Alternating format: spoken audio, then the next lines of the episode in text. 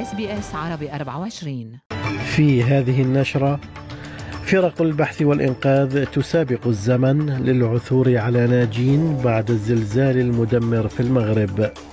الحكومة الفيدرالية تتوصل إلى اتفاق مع الخضر لتمرير مشروع قانون صندوق الإسكان. والزعيم الكوري الشمالي في طريقه لروسيا للقاء بوتين.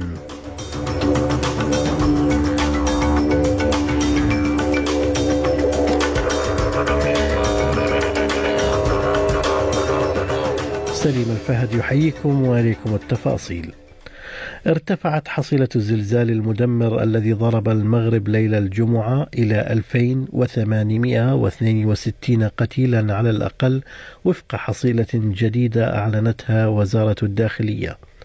وقالت الوزارة في بيان لها أن الزلزال أيضا خلف 2562 جريحا يأتي ذلك فيما تسابق فرق البحث والإنقاذ الزمن للعثور على ناجين. هذا وقد انضمت فرق بحث قادمة من بريطانيا وإسبانيا وقطر لجهود الإنقاذ في المغرب.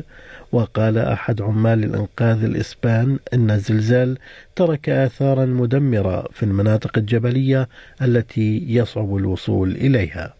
Nos encontramos en la población de Imintela. Eh, we are in the town of Imi Untala. It's very remote and it took us about eight hours to get here. Eh, there were no rescue groups and we arrived with the police. The destruction is absolute. All the buildings have collapsed. We will begin our search using dogs and try to find survivors. هذا وتفيد تقارير إعلامية أن السكان في المناطق المتضررة قضوا ليلتهم الثالثة في العراء خوفا من الهزات الارتدادية من جانبها أكدت السفيرة المغربية لدى أستراليا وسن زيلاشي أن هناك حاجة إلى دعم طويل الأمد للبلاد لمواجهة تأثيرات الزلزال. We will need many friends also uh, to help us with reconstruction, to help with building schools, providing them with, you know, supplies, uh, uh, filling up the, the, schools. So there will be a lot that will be needed later on.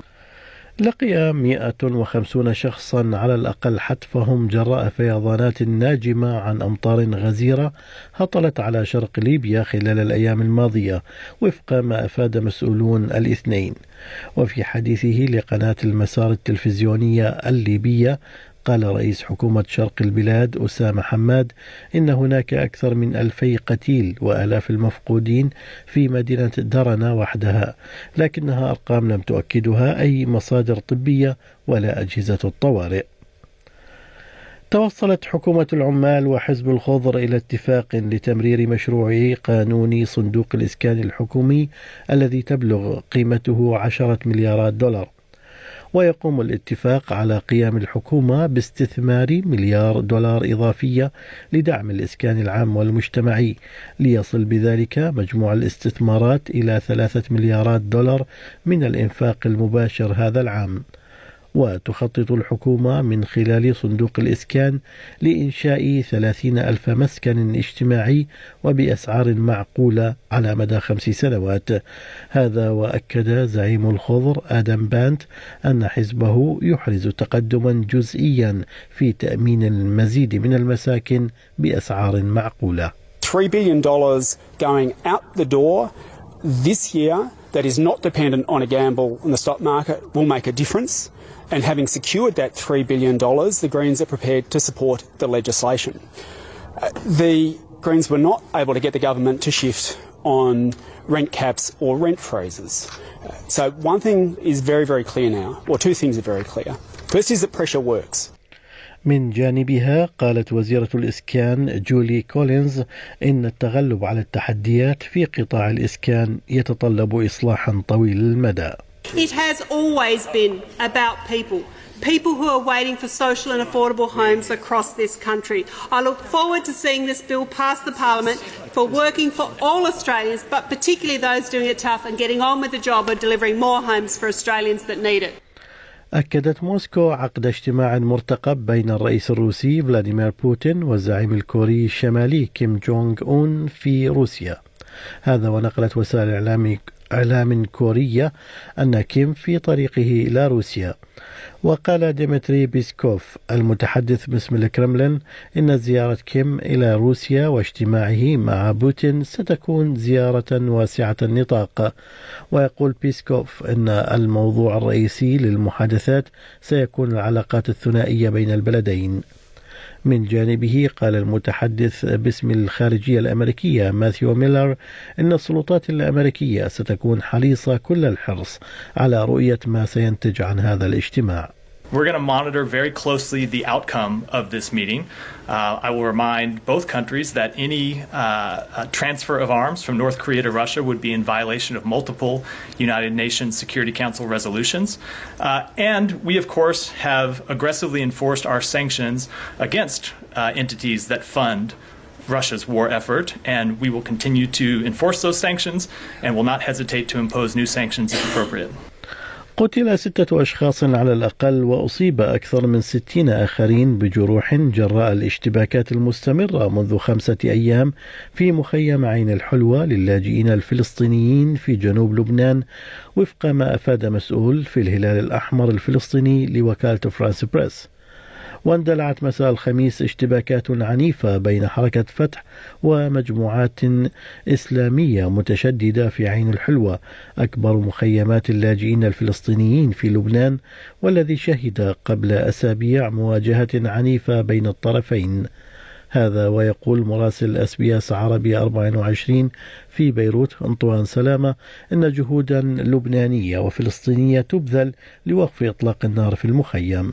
لكن المعلومات تشير إلى أن هذه المساعي اللبنانية والفلسطينية ترتطم بجدار التسلط في المخيم خصوصا أن كل طرف من النزاع يحاول حسم المعركة لصالحه من دون جدوى ما يجعل من هذه المعارك العنيفة معارك للسيطرة وهذا ما يدفع ثمنه سكان مخيم عين الحلوي الذين ينزحون عنه من دون أن تسمح لهم السلطات المحلية بإقامة خيم الإيواء.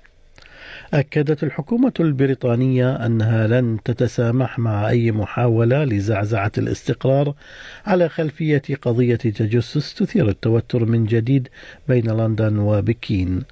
وبعدما أعلنت الشرطة البريطانية السبت توقيف رجل في آذار مارس يشتبه بتجسسه لصالح الصين في البرلمان البريطاني رفضت الحكومة الصينية الاتهامات معتبرة أن لا أساس لها من الصحة. أما هنا في أستراليا فقد دعا النائب الأحراري جيمس باترسون إلى زيادة التدقيق الأمني للعاملين في مبنى البرلمان الفيدرالي على خلفية الكشف البريطاني. وقال السيناتور باترسون إنه من الممكن أن تستهدف العملية السياسية الأسترالية بحالات مشابهة. Unfortunately, the risk of this happening in Australia is very high because the vast majority of staff who work in this building here in Parliament House are not security vetted or cleared in any way.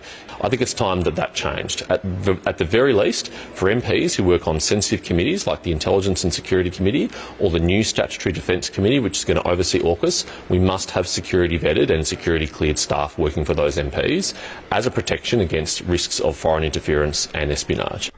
قالت رئيسة حكومة ولاية كوينزلاند أنستاسيا بالاشي إنها ستقود حزبها إلى انتخابات الولاية المقبلة على الرغم من التساؤلات حول مستقبلها. وعادت السيدة بالاشي للتو من عطلة لمدة أسبوعين في أوروبا حيث تشير استطلاعات الرأي الأخيرة إلى أن حزب العمال يعاني من تراجع الدعم في جميع أنحاء الولاية.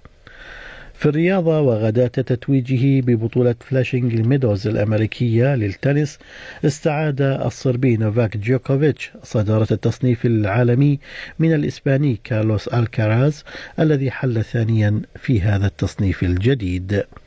في أسعار العملات بلغ سعر صرف الدولار الأسترالي 64 سنتا أمريكيا. حالة الطقس المتوقعة لهذا اليوم بيرث غائم جزئيا أقصى درجات الحرارة فيها 24 أدليد مشمس 24 أيضا. ملبن غائم 22 درجة.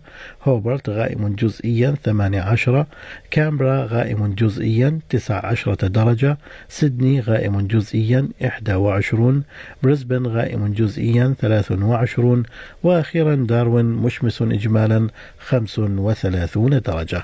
كانت هذه نشرة الأخبار. قرأها على حضراتكم سليم الفهد من أس بي أس عربي 24 شكرا لإصغائكم